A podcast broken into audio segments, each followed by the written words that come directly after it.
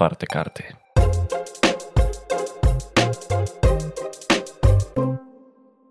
Dzień dobry. Dzień dobry, Józef Poznar. Jędrzej Jazgar. Słuchacie podcastu. Otwarte karty. Koniec grudnia, czas podsumowań, czas jakichś takich wspominek. Dzisiaj w otwartych kartach także zrobimy sobie takie małe podsumowanie. Nie, że będziemy podsumowywać cały rok, tylko praktycznie nasz odcinek będzie uosobieniem wszystkich pozostałych odcinków. Bo z jednej strony będziemy mówić o rzeczach bieżących, z drugiej strony będziemy mówić o obostrzeniach związanych z pandemią koronawirusa. Z kolejnej zaś strony będziemy poruszać kolejny odcinek telenoweli wyboru nowego Rzecznika Praw Obywatelskich, a z jeszcze ostatniej strony opozycja znowu błądzi jak dzieci we mgle. Zapraszamy. Jeżeli jest jakaś pozytywna rzecz wynikająca z najnowszych obostrzeń związanych z pandemią koronawirusa, to normalizujemy zostawanie w domach na Sylwestra. Nie to, że ja mam coś przeciwko temu, że ludzie imprezują w Sylwestra, ale ja czuję zbyt dużą presję. No, ja bym sobie nawet chciał czasami tak zostać w domu na Sylwestra, pograć na konsoli, obejrzeć film, no ale wszyscy wychodzą, wszyscy się chwalą, że wychodzą, no to w tym roku wszyscy się chwalą, a ja i tak w ogóle nie miałem w planach wychodzić. Czyli mówisz w ogóle o takim zostawaniu w domu, że nie na domówce? Czy Nie, po prostu domówkę, odciąć się od im. Jest Traktujesz y, 31 grudnia tak jak każdy inny dzień, to znaczy coś tam sobie wieczorem porobisz właśnie w stylu gra na konsoli, obejrzysz serial, weźmiesz prysznic, zjesz kolację i idziesz spać. To jest mój pik sylwestrowy, ale jak patrzę w przeszłość ostatnie parę lat, no to są imprezy, no bo jednak czuję się tę presję społeczną. Dziękuję panie premierze, że przynajmniej choć raz tej presji nie będzie. Ale takie bardziej imprezy w stylu domówki, czy bardziej się wybierałeś do klubów w poprzednich latach? Czy nie, Nie, jesteś typem klubowicza? Klubów to się w ogóle nie wybieram nigdy, w żadnym wypadku, natomiast na domówki, no to jak najbardziej, tylko że domówki powyżej 6 osób to już jest tłok. A teraz domówki powyżej pięciu osób są nielegalne. Jak po prostu, jak ta pandemia jest pozytywna dla wszystkich ludzi, którzy nie lubią ekstrawertyzmu. To jest prawda oczywista, ale ja ją powiem. Mateusz Morawiecki, rząd Prawa i Sprawiedliwości wreszcie zaczął dbać o tę wykluczoną grupę introwertyków. Osób, które po prostu nie lubią dużych imprez i lepiej się czują na małych spotkaniach albo w ogóle w takich imprezach nie uczestnicząc. Osób, które nie lubią ludzi. Bo mam wrażenie, że ten rząd nie lubi ludzi, więc tutaj wszystko się zgadza. Nie jest chyba mylne wrażenie. Mam podobne. Żarty żartami. Możemy szukać srebrnej podszewki w decyzjach Mateusza Morawieckiego i rządu, ale to już jest poziom takiej obłudy i samooszukiwania się, że ja już nie umiem. Ja już po prostu nie jestem w stanie tego, tego znieść i nie jestem w stanie się aż tak oszukiwać. Najnowsze decyzje związane z obostrzeniami z powodu pandemii, które są trochę nielogiczne, bo przecież jest dobrze, zachorowania spadają. Jakby wierzyć tym tabelkom, które Mateusz Morawiecki publikował miesiąc temu, to my powinniśmy wchodzić w strefę żółtą, a nie w narodową kwarantannę. No ale najnowsze są takie, że będzie lockdown. Znaczy kwarantanna. Właśnie nie. To jest w ogóle kwestia, która mnie zainteresowała najbardziej w tym mijającym tygodniu. Nie śledziłem w tym tygodniu tych wydarzeń e, tak uważnie, jakbym chciał to robić. Natomiast e, pamiętam, że podczas pierwszej konferencji, kiedy Adam Niedzielski ogłaszał tę narodową kwarantannę właśnie, no to później się okazało, między innymi wicerzecznik PiSu, pan Fogiel, znany nam skądinąd, tłumaczył ministra tym, że może przy tym natłoku obowiązków przejęzyczył się pan minister. Tak naprawdę chodziło o narodową solidarność. A teraz to już w ogóle nie chodzi nawet o narodową solidarność, tylko jesteśmy na etapie etapu odpowiedzialności. Bo takie sformułowanie możemy znaleźć na najbardziej wiarygodnym źródle prawa obecnie w Polsce, czyli stronie gov.pl. Chciałeś powiedzieć konferencjach prasowych premiera, to jest źródło prawa w Polsce. A, to przepraszam. Ale chodziło ci też o Etap odpowiedzialności. I ten etap odpowiedzialności się zacznie 28 grudnia. etap narodowej odpowiedzialności. Nie, właśnie etap odpowiedzialności, nie narodowej. Ona nie dotyczy W co narodu? oni grają? Może ona dotyczy też obcokrajowców. No, Oni oczywiście, też mają że być tak. odpowiedzialni. Ona na pewno będzie dotyczyć obcokrajowców, bo każda osoba, która wjedzie na teren Polski środkami transportu zbiorowego po 28 grudnia, będzie musiała obowiązkowo przejść 10-dniową kwarantannę. I tak jak ja to rozumiem, jak to jest dopisane na stronach rządowych, nawet jak sobie zrobisz w ciągu tej kwarantanny 5 testów i każdy ci wyjdzie negatywny, no to sorki memorki stare, ale nadal siedzisz na kwarantannie, bo 10 dni, a na przykład członkowie twojej rodziny, z którymi przebywasz w jednym mieszkaniu, ale oni nie wrócili z zagranicy samolotem, czy pociągiem, czy autobusem, oni mogą sobie spokojnie hulać po ulicach. No Wow. chyba, że w Sylwestra to nie mogą. To brzmi zupełnie jak prawo napisane na kolanie. Ależ skądże? No i jeszcze a propos tych obostrzeń, bo to też mi wpadło do głowy. Był taki okres w czasie wakacji, kiedy odmrażaliśmy gospodarkę, prawda? Tam koniec wiosny, początek lata. No było coś czerwiec. takiego, bo były wybory. I pamiętam, że wtedy w dzienniku Gazecie Prawnej pojawiła się informacja o przeciekach właśnie z tych posiedzeń tego sztabu kryzysowego i tam ponoć sami politycy Prawa i Sprawiedliwości śmieszkowali między sobą, że te spotkania to się odbywają pod hasłem co by tu dzisiaj odmrozić, panowie. No i tutaj mi się wydaje mamy co by tutaj dzisiaj zamrozić. To się kupy nie trzyma, ja się z tym zgadzam. No ale cóż, no mamy, no to mamy. Znowu będą zamknięte galerie handlowe, oczywiście oprócz tam tych wymienionych punktów jak sklepy spożywcze czy drogerie. No i będą też zamknięte stoki narciarskie. Tutaj już nawet y, telefon do ministra Gowina nie pomoże. Ja chciałem szukać jakichś takich pozytywów, że no przynajmniej nie jest to ogłoszenie na 8 godzin przed, jak zamknięte cmentarze. No okej, to jest pozytyw. Jest to za to ogłoszenie na tydzień przed, praktycznie, trochę z hakiem i to jest dramat. Po raz kolejny wczuwamy się w rolę jakichś grup społecznych, ponieważ po raz kolejny PiS uruchomił swoją maszynę losującą, którą grupę społeczną, którą grupę przedsiębiorców dzisiaj wkurwić. No i padło na tych, którzy wydawało się, że mogą spać spokojnie, czyli ci, którzy siedzą w tym przemyśle narciarskim. Właściciele stoków narciarskich, tej, tej branży turystycznej. No bo inaczej by ta cała sytuacja wyglądała, gdyby od początku stoki były zamknięte, no to oni by wtedy cierpieli tak jak i wszyscy inni. Natomiast gdy pojawia się nasz prezydent, bezobjawowy, nagle zaczyna pokazywać jakiś jeden swój objaw, który objawia się W trosce o sporty zimowe. objawia się w sytuacji, która jego bezpośrednio dotyczy. I pojawia się prezydent i mówi: Nie, stoki nie! Po moim trupie. I PiS pozornie to klepie, że no dobra, no to stoki zostawiamy na drodze wyjątku. No to ja, będąc na miejscu właśnie takiego właściciela tego stoku, no to myślę sobie: uff, Jezu, piekło mi się. No dobra, serca. Dobra, przynajmniej mój sąsiad, właściciel hotelu, on to ma przejebane, ale ja to przynajmniej dobrze. No to inwestujesz w to, żeby, bo to będzie ciężki rok, więc naśnieżasz te stoki, które muszą być wcześniej naśnieżone i tutaj myślisz sobie, no dobra, teraz jest taki ruch, jaki jest, ale po świętach to się odkuje. A tu chuj. Więc zainwestowałeś pieniądze w nie wiadomo co i, i, i dostajesz jeszcze po pysku. Józef, a pomyśl sobie o ludziach, którzy zmęczeni tą całą pandemią, tym podzielonym polskim społeczeństwem, po prostu stwierdzili sobie, kurczę, ja to może na święta sobie wyjadę, nie wiem, na przykład na Maderę, gdzieś do Hiszpanii, Wyspy Kanaryjskie, cokolwiek. No i wiesz, cyrklują, żeby się dostosować do tych obostrzeń, żeby ten test mieć na tyle wcześnie, żeby się załapać jeszcze na to okienko tam chyba 48-godzinne, już mniejsza z tym, bo to w zależności od kraju się różni. No i co? I się okazuje, że planowy powrót miałeś tam samolotem właśnie w tym okienku między świętami a Nowym Rokiem. No i myślałeś, że wrócisz sobie i po Nowym Roku wrócisz normalnie do pracy. A tu nie hu, hu bo się okazuje, że będziesz musiał przejść 10-dniową kwarantannę, o której nie wiedziałeś wykupując ten lot, że będziesz musiał ją przejść.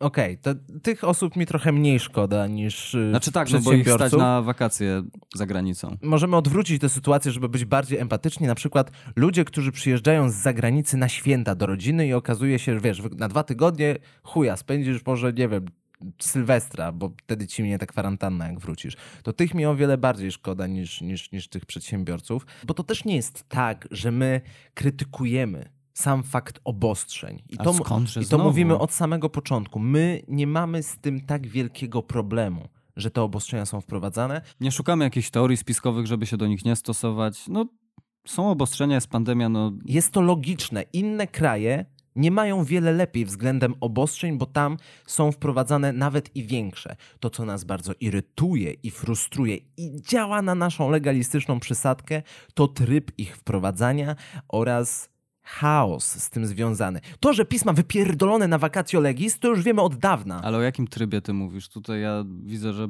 standardowa procedura bez żadnego trybu się odbywa. Bez żadnego trybu, bez żadnego pomyślunku.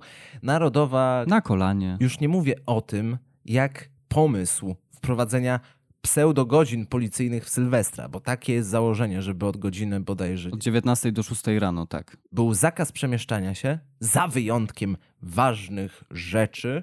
Czyli na przykład, jeżeli waszemu psu się zachce siku, to możecie z nim wyjść. Jeżeli jedziecie do pracy lub z pracy, to możecie, ale jak to ktoś tam określił, Tak, dobrze by było, żebyś... przedstawiciel Ministerstwa Zdrowia powiedział, że warto by było mieć jakiś glejt od szefa, że tak, że wy jedziecie do pracy i że macie zmianę wtedy i wtedy, tam i tam i że jedziecie do pracy. Wyłączone z tego są także wyjścia do apteki, więc podejrzewam, że najlepsze wiksy na mieście będą się działy pod aptekami, ponieważ no co, co mi pan zrobi, panie władzo? No czekam w kolejce do apteki.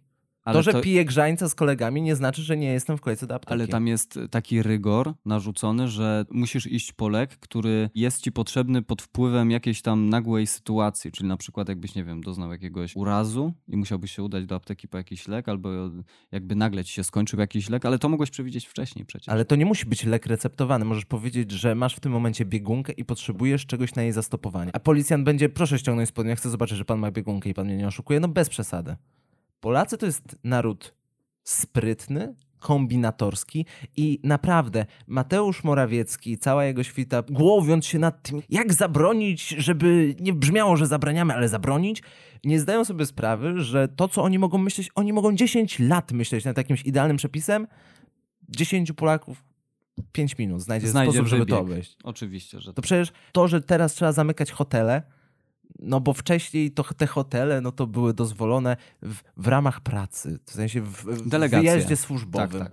No to naprawdę nie minęły 3-4 dni, już wielu różnych dziennikarzy dzwoniło i, i, i sami ludzie w hotelach mówili, a pan służbowo czy nie służbowo? Bo jak nie służbowo, to może być służbowo, nie? Na takiej zasadzie. Bo czemu by nie? Przecież było kurwa wiadomo. Było wiadomo od początku, że Polacy na to nie pójdą. Że jeżeli jest jakaś najcieńsza luka, którą możesz wykorzystać, to to się stanie. A wszystko to mówimy jeszcze na stan przed świętami. A nie wiadomo, czy na przykład jeszcze 23 albo 24 premier nie ogłosi, nie wiem, czegokolwiek i to wejdzie w życie w momencie zakończenia konferencji prasowej premiera. Mnie już w tym momencie nic nie zdziwi. Nic mnie już nie zdziwi w tym trybie, w tym, tym chaosie prawniczym. Nie chcemy wchodzić na tą decyzję, że przecież patrząc na tę liczbę zachorowań, patrząc na to wszystko, co się dzieje, no to wygląda, że my jesteśmy w raju na ziemi. No takiej liczby zachorowań to myśmy nie mieli od paru miesięcy. Tak mało ludzi umiera. No żyć nie umierać, ale zwiększamy obostrzenia. Co jest bardziej prawdziwe? Teraz jesteśmy bardziej przewrażliwieni niż kilka miesięcy temu, bo tak nam nagle, rządz, nam, czyli rządzącym, zaczęło kurwa zależeć na służbie zdrowia, czy to, że fałszujemy wyniki?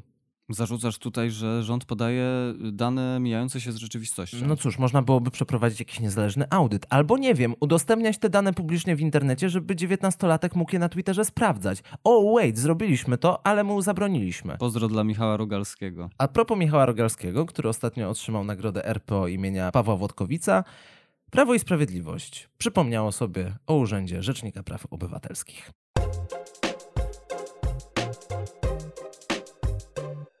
Jak się okazało, nowym kandydatem na Rzecznika Praw Obywatelskich, a właściwie pierwszym kandydatem na Rzecznika Praw Obywatelskich po stronie Prawa i Sprawiedliwości Zjednoczonej Prawicy będzie nie kto inny jak wiceminister spraw zagranicznych Piotr Wawrzyk. To nazwisko pewnie nic wam nie mówi, nam też jeszcze do tego tygodnia nic nie mówiło.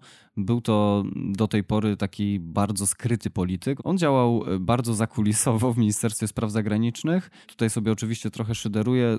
Chodzi o to, że nie miał jakiejś takiej super inicjatywy, z której byśmy go mogli znać. Na stronie Ministerstwa Spraw Zagranicznych udało nam się odnaleźć informację, że wiceminister Wawrzyk brał udział na przykład w posiedzeniu Komitetu Ministrów Rady Europy. I tam stwierdził w 2018 roku, że gwarancją na lepszą i bezpieczniejszą przyszłość jest inwestycja w młode pokolenia, między innymi poprzez zapewnienie systemu edukacji, który jest dostępny dla wszystkich i dostosowany do wymogów współczesnego świata. Minęły dwa lata, przyszła pandemia. No i widzimy, jak system e, edukacji w Polsce jest dostępny dla wszystkich i dostosowany do wymogów współczesnego świata. Nauka zdalna, mówi to panu coś? Ja muszę przyznać, okej, zgadzam się, też y, nie znałem postaci Piotra Wawrzyka, ale jak o nim myślę, ja uwielbiam go jako wybór PiSu na Rzecznika Praw Obywatelskich. Bo on jest taki nijaki, że będzie łatwy do przełknięcia. Nie, nie, nie, nie, w ogóle nie. Właśnie on jest wskazaniem na to, że Prawo i Sprawiedliwość, bo często mówimy o tej arogancji obozu rządzącego, że jednak są stopnie arogancji tego obozu rządzącego tego, że tym ostatnim poziomem arogancji to jest powiedzmy metaforyczne naszczanie na kogoś. Stopień wcześniej jest naplucie na kogoś z flegmą. Jest też zwykłe naplucie. I Piotr Wawrzyk jest tym zwykłym napluciem. Jest napluciem przede wszystkim w stronę Polskiego Stronnictwa Ludowego. Bo o tym się mówiło już od jakiegoś czasu, że Polskie Stronnictwo Ludowe jest w jakichś tam konszachtach, kontaktach. To y, marszałek Terlecki o tym wspominał. tam się odbywają jakieś rozmowy zakulisowe, kuluarowe. w sprawie wyboru Rzecznika Praw Obywatelskich, bo Rzecznik Praw Obywatelskich jest instytucją, która musi być zaakceptowana i przez Sejm, i przez Senat. W Sejmie ma większość Zjednoczona Prawica, a w Senacie powiedzmy, że obóz opozycyjny, w tym także głosami członków PSL-u. Więc PSL chciał wyciągnąć rękę. Słuchajcie, no jak ktoś będzie się nam podobał, no to my go, my go klepniemy w Senacie. Okej, myślę, że jest kilka nazwisk, które mogłyby być większym policzkiem dla PSL-u, ale Piotr Wawrzyk jest takim wyjątkowym, takim mrugnięciem okiem, ponieważ Piotr Wawrzyk miał swoje kontakty i swoje początki właśnie w Polskim Stronnictwie Ludowym, a później przeszedł do Prawa i Sprawiedliwości. Jak to określił w pewnym momencie Marek Sawicki z PSL-u, to stwierdził, że... Wawrzyk to jak plunięcie nam w twarz. O proszę. Człowiek, który współpracował z Waldemarem Pawlakiem i za co się wziął, to wszystko spieprzył. On jest dla nas nie do zaakceptowania. Miał być także pupilkiem właśnie Waldemara Pawlaka i zasadniczo, skoro zdradził PSL, to zdradzi także obywateli Rzeczpospolitej. Ale to chyba nie jest tak, że on zdradził PSL. Z tego co czytałem, to on po prostu przestał płacić składki. Nie rozumiesz, że w polityce czasami postrzeganie jest takie, że jak kiedykolwiek zmienisz partię, to jesteś zdrajcą, bo nie wolno zmieniać poglądów. Jest w ogóle, to jest ciekawy taki, nie wiem, paradoks. Powiedz to Michałowi Kamińskiemu. No właśnie, to jest taki ciekawy paradygmat, że z jednej strony polityk, który nie zmienia nigdy partii, no to on jest postrzegany jako taki jakiś nie, nieczasowy, nie potrafi się dostosować. Taki beton troszkę. beton. Ale jak zmienia za dużo, no to, to, to, to nie potrafi się zdecydować. niewiarygodny. Jest chorągiewką, jest Markiem Kamińskim. Gdzie jest ten złoty środek? Ile to jest taka optymalna liczba partii, które ktoś Wiesz może co, posiadać? mi się wydaje, że to też zależy od ram czasowych, w których funkcjonujesz na polskiej scenie politycznej. Czyli załóżmy, że na 10 lat to tak z dwie, trzy partie to jest tak jeszcze do przyjęcia. Zgodziłbym się z tobą, ale zwróć uwagę, że od parunastu lat jednak mamy większą stałość tych partii. No bo w latach 90. to te partie powstawały i się zamykały. Powstawały, no ten AWS był przez chwilę dłużej. Jest SLD, które tam zawsze było od zawsze, a teraz jest nową lewicą, więc też już się nie liczy. Prawo i Sprawiedliwość i Platforma Obywatelska, no istnieją na tej scenie politycznej prawie że 20 lat. Poza tym są jeszcze partie, które są tak jakby dziedziczone. No, co liczyć to za dwie partie, jeżeli byłeś w PZPR, a później w SLD? Liczyć to za dwie partie, jeżeli byłeś w Porozumieniu Centrum, a później w PiSie? Liczyć co za dwie partie, jak byłeś w ZSL-u i w PSL-u? A to liczyć to za dwie partie, jak byłeś w samoobronie, a teraz jesteś w więzieniu? A czy liczyć to na przykład za siedem partii, kiedy byłeś w UPR-ze? W... Panowie, policzmy partie. UPR, przecież kurwa UPR też na początku był, on się jak się podzielił, to był UPR coś tam i UPR, był UPR Piast i UPR Wyzwolenie. Jeba. Tak czy siak, Piotr Wawrzyk no, w oczach PSL-u jest stracony. Więc e, Prawo i Sprawiedliwość ma już to gdzieś, ten Ma wybór RPO. pompie.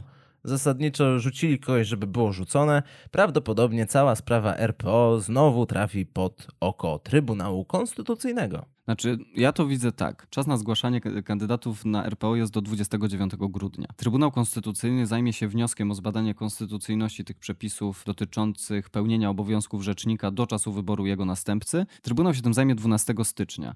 No ja to widzę tak, że jeżeli Senat nie przyklepie tego, co przegłosował Sejm, oczywiście będzie to prawdopodobnie wielkie za kandydaturą Piotra Wawrzyka, no to nagle się okaże, że te przepisy, które sprawiają, że teraz Adam Bodnar pełni nadal funkcję Rzecznika Praw Ob- Obywatelskich, pomimo tego, że jego kadencja już upłynęła, nagle się okaże, że to jest niekonstytucyjne i trzeba będzie powołać kogoś pełniącego obowiązki Rzecznika Praw Obywatelskich. No i nie będzie wielkie moje zdziwienie, kiedy się okaże, że padnie właśnie wybór na Piotra Wawrzyka. Należałoby zadać pytanie, co wtedy zrobi Adam Bodnar, który obecnie jest y, dalej, możemy powiedzieć, że on jest pełniącym obowiązki, jeżeli jego kadencja wygasła, czy ta kadencja się automatycznie przedłuża? To nie jest tak, że ona się wydłuża, natomiast on nadal pełni funkcję Rzecznika Praw Obywatelskich. No ja bym powiedział, że po prostu jest nadal Rzecznikiem Praw Obywatelskich. Tak samo jak mówiło się, że Andrzej Zoll był Rzecznikiem Praw Obywatelskich, pomimo tego, że tam była sytuacja podobna do obecnej, czyli skończyła mu się kadencja, ale parlament nie wybrał mu następcy. No i co zrobi Adam Bodnar? Czy będzie się trzymał wtedy swojego stanowiska i będziemy mieli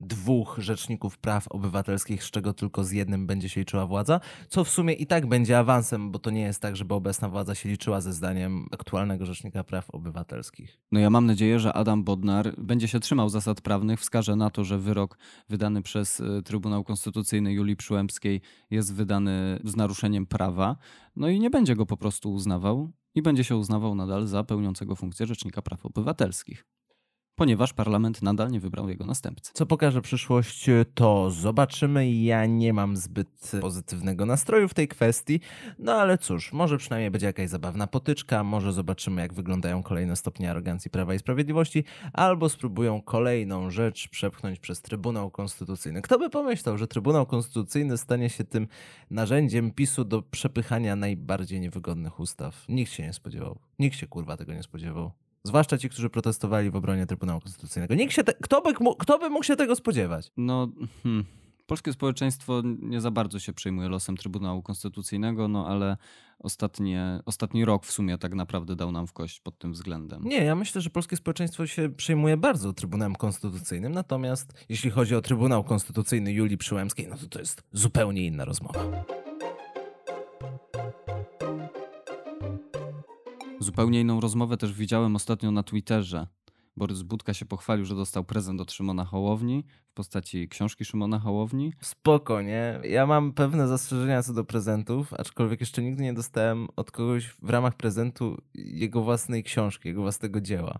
Borys Budka i Szymon Hołownia, to tak oni niespecjalnie chyba ze sobą utrzymują kontakt i to mi się kojarzy z takim powiedzmy nachalnym znajomym, którego gdzieś tam masz w znajomych na fejsie, który, nie wiem, wysyła ci link do swojego nowego mixtape'a, bo od czasów gimnazjum marzy o zostaniu raperem, więc nagrał nowy kawałek i on ci wysyła, wiesz, mrugającą buźkę i daj znać, co sądzisz. No i musisz przesłuchać, nie? Nie musisz. No, Możesz nie odczytać. Nie no, odczekujesz 5 minut i piszesz, o, bardzo spoko, buja, banger. No i tak samo możesz wrzucić zdjęcie tej książki i wszyscy zadowoleni i robisz dobry PR sobie nawzajem. Jest jedna rzecz, która łączy zarówno Borysa Budkę, jak i Szymona Hołownię w tym tygodniu, no jest to to, że udało im się rozsierdzić lewicę.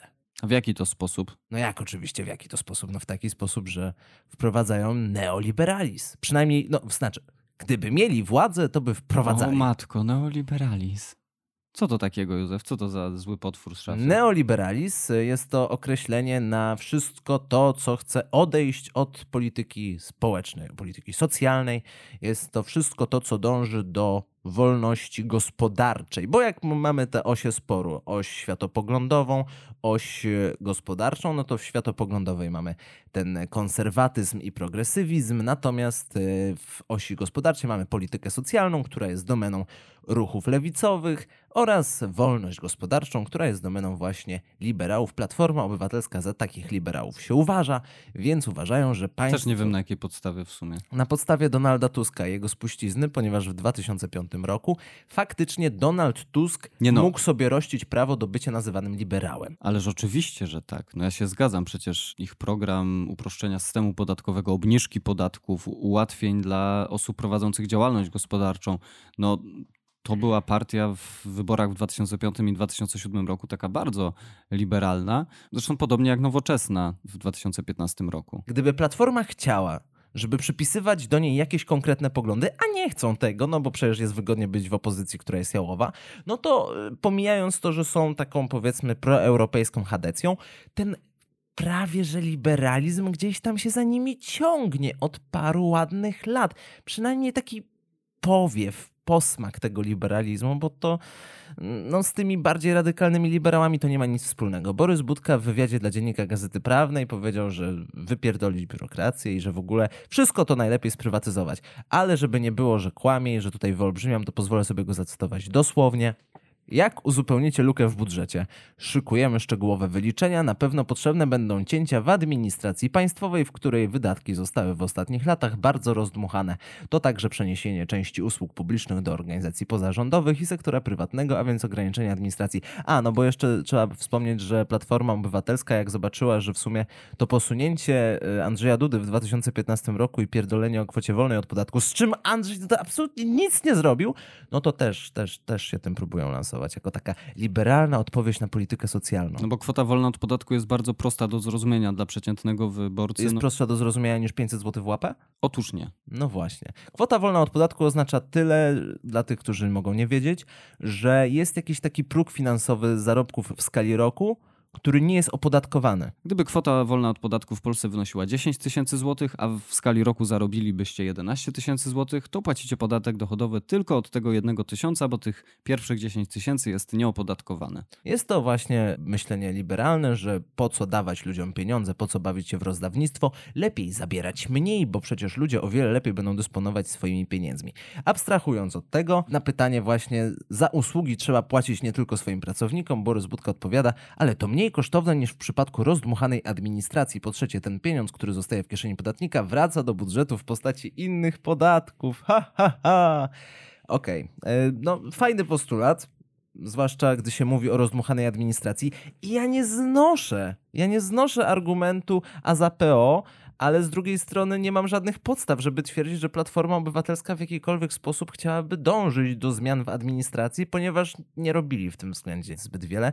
A z kolei teoria o tym, jakoby pieniądz zostaje w kieszeni podatnika i wraca do budżetu w postaci innych podatków, okej. Okay może tak, może nie. Natomiast zbulwersowało to wielu ludzi, zwłaszcza przedstawicieli lewicy, że w czasach, kiedy ludzie tracą pracę i staje się pandemia i w ogóle ludzie polegają na tym systemie państwowym, jak nigdy zwracamy się w stronę systemu państwowego, bo to jest jedyna rzecz, która nam została. Wychodzi taki Borys Budka i zaczyna mówić, że nie, wszystko sprywatyzować, dać w ręce NGO-sów. No jakże to tak? Z perspektywy osób, które pracują na umowie zlecenie na przykład, czy na y, umowie o dzieło, Wydaje mi się, że chyba korzystniejszym wariantem byłoby zwiększenie kwoty wolnej od podatku niż dawanie im jakichś zasiłków. No bo to jest pieniądz, który po prostu zarobiłeś sam i po prostu on ci zostaje w kieszeni. To tak mówię też w e, kontekście kryzysu gospodarczego. Nie, ogółem zwiększenie kwoty wolnej od podatku samo w sobie, jako postulat, to jest postulat o tyle dobry, że z nim się są w stanie zgodzić praktycznie wszyscy. Tak jest. Natomiast problemem jest wyegzekwowanie tego, no tak jak PiS tego w żaden sposób nie wyegzekwował, mimo że przypominam, to był jeden ze sztandarów Andrzeja Dudy,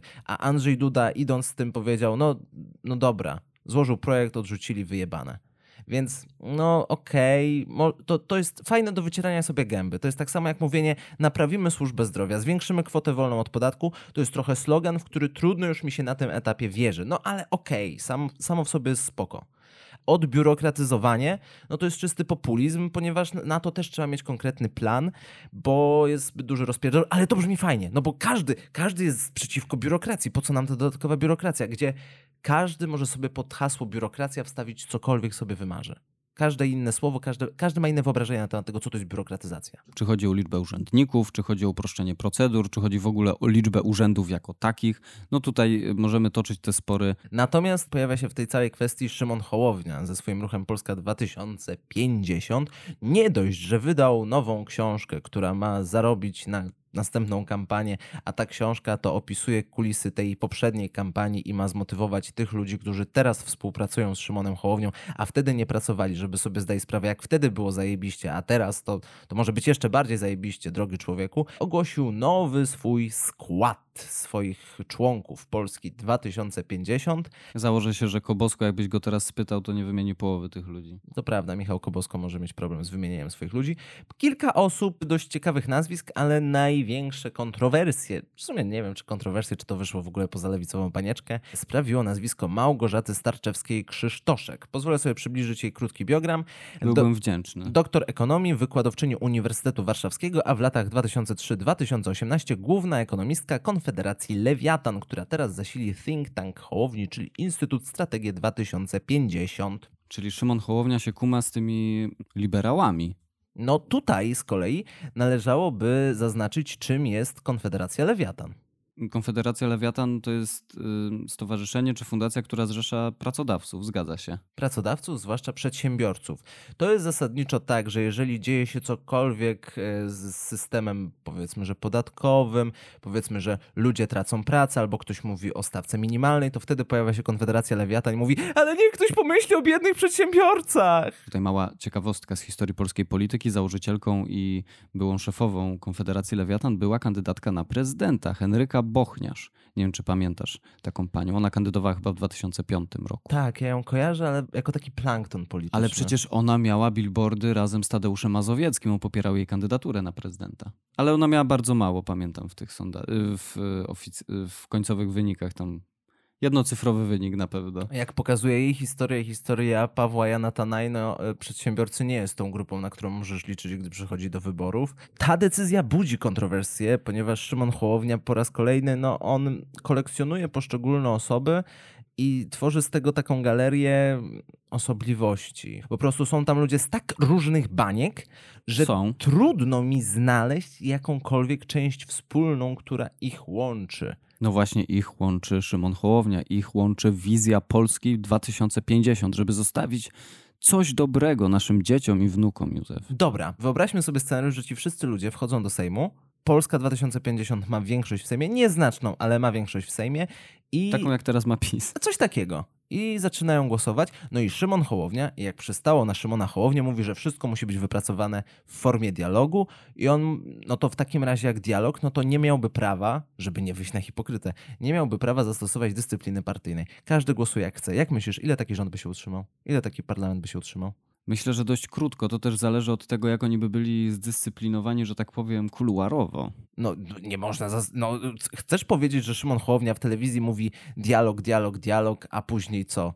Smaga batogiem? Wycią- No może nie, że smaga batogiem, no ale polityka chyba jest dość nieubłagana, jakkolwiek koncyliacyjny i nastawiony na kompromis byś nie był, no to jednak jak do tej polskiej polityki wchodzisz, no to trzeba czasami troszkę zdyscyplinować swoich podopiecznych. Czyli szuka ludzi, którzy mają bardzo kruche kręgosłupy, które można łamać. No, sprzeniewierzyć się To swoim ty poglądom. powiedziałeś. No nie, no tak mi to wygląda. Po prostu nie widzę w tym większej logiki, oprócz tego, że Szymon Hołownia chce zadowolić wszystkich, a jak chce się zadowolić wszystkich, to się nie zadowala nikogo. Tutaj się zgodzę, no ale widzę na przykład scenariusz, gdzie nie wiem, o, na przykład trafia do Sejmu, gdzie większość ma właśnie Ruch Polska 50, y, Szymona Hołowni, trafia ustawa liberalizująca prawo aborcyjne w Polsce. No i widzę ten scenariusz, że na przykład Hanna Gil-Piątek głosuje za, a jacyś tam inni politycy, łącznie z Szymonem Hołownią, głosują przeciw. No i się okazuje, że żadna ustawa praktycznie nie przechodzi, ponieważ wszystko jest tak na, na ostrzu noża. Że trzeba szukać tam wśród innych ugrupowań, czyli na przykład część Ruchu Polska 50 by się musiała kumać z, na przykład z Lewicą, To ci dopiero dialog. prawda? Ponad podziałami. Na, to nie, nie, mamy 30 lat polskiego parlamentaryzmu, to nigdy tak nie działało. Nie ma opcji, że Szymon Hołownia naprawi polski parlamentaryzm. Zresztą nie wiadomo, kiedy w ogóle będą wybory. Na razie planowo są w 2023 roku. Jeżeli Zbigniew Ziobro nie będzie tak grał na nerwach prezesowi, to możliwe, że nie będzie tych przedterminowych wyborów na wiosnę, co wieszczą niektórzy obserwatorzy polskiej sceny politycznej, że ta koalicja to już za długo się nie utrzyma. Natomiast y, tak sobie patrzę na ostatni sondaż Ibrisu, mm, no i tutaj Ruch Polska 50, 2050 ma 11% raptem, Koalicja Obywatelska ma 22%, a Zjednoczona Prawica ma 33%. Z tym, że to jest y, oczywista prawda, ale ja ją powtórzę. To znaczy, przy odsetku osób niezdecydowanych, które brały udział w tym sondażu, a ten odsetek wynosi ponad 13%, ci niezdecydowani mogą powędrować wszędzie, więc te sondaże to tak naprawdę można dzielić przez dwa, bo ci niezdecydowani mogą tak naprawdę zadziałać na korzyść każdego z tych ugrupowań, które są brane pod uwagę w tym sondażu. Platforma B, Hołownia B. Ktoś, kto nas słucha, mógłby pomyśleć, wow, no to może przynajmniej ta lewica wzrasta, bo to, to, to na tle tych konkurentów wypada świetnie. Jak Otóż- tam lewica? Zmalała, urosła. Otóż nie. Dlatego, że zawsze musi się w takiej sytuacji pojawić jakiś pojedynczy bohater, w tym wypadku poseł profesor Maciej Gdula, który stwierdził w wywiadzie z Mazurkiem, że politycy za mało zarabiają. Co jak na słowa przedstawiciela lewicy, która ma być blisko ludzi, jest wyjątkowo fascynujące, żeby powiedzieć dokładnie, co powiedział. Tak, jestem zwolennikiem. Podwyżek dla polityków. Bo realnie poseł dzisiaj zarabia około 5,5 tysiąca złotych. To jest to, ile mu zostaje po potrąceniu wszystkiego, po potrąceniu wydatków na kampanię. To jest bardzo mało.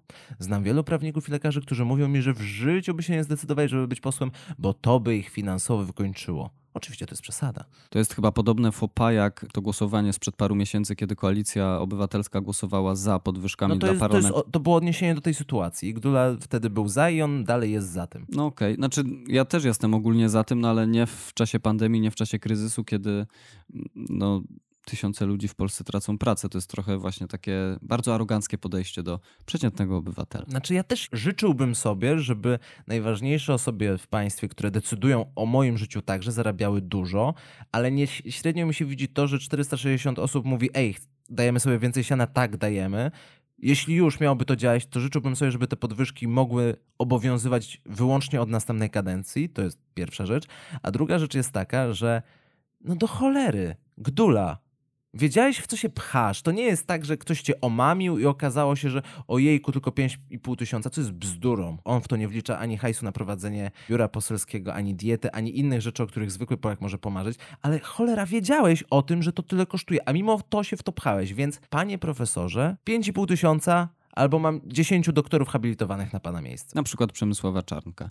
Jeżeli chodzi o lewicę, to w tym sondażu ibrisowskim, on jest y, sprzed tygodnia, lewica ma y, niewiele ponad 7%. To jest twoim zdaniem dużo, mało? No mało, bo wchodzili z 13, ale nawet uwzględniając to, że to był powiew świeżości, to wciąż jest mało. To jeszcze na koniec podsumowanie tego sondażu, ponieważ tutaj szef instytucji badawczej Ibris Marcin Duma skomentował tenże sondaż i przypomniał, że w badaniach przed świętami na ogół obserwujemy pewne powtarzające się zachowania, czyli przykład zmniejszone zainteresowanie polityką, skutkujące spadkami poparcia dla praktycznie wszystkich podmiotów politycznych, no i jednocześnie zwiększa się ten odsetek osób niezdecydowanych. Idą święta, ludzie przestają się polityką interesować, są bardziej skupieni na przygotowaniach do świąt i to jest też taka moja rada na najbliższy tydzień, żeby się skupić na świętach, troszkę od tej polityki odejść, chociaż niestety te tematy polityczne zawsze przy świątecznych stołach w Polsce się pojawiają, co niestety prowadzi niejednokrotnie do kłótni przy świątecznym stole. Dlatego też postaramy się znaleźć jakąś receptę na te kłótnie przy wigilijnym stole. Może nam się uda jakoś, chociaż w minimalnym stopniu zmniejszyć skalę świątecznych awantur. Zatem zapraszamy do dalszego słuchania podcastu Otwarte Karty i dziękujemy za wysłuchanie tego odcinka Józef Poznar, Jędrzej Jazgar. Gdybyście jednak nie posłuchali następnego odcinka, no to życzymy Wam jak najbardziej wesołych świąt i udanego odpoczynku. Trzymajcie się cieplutko. Do usłyszenia.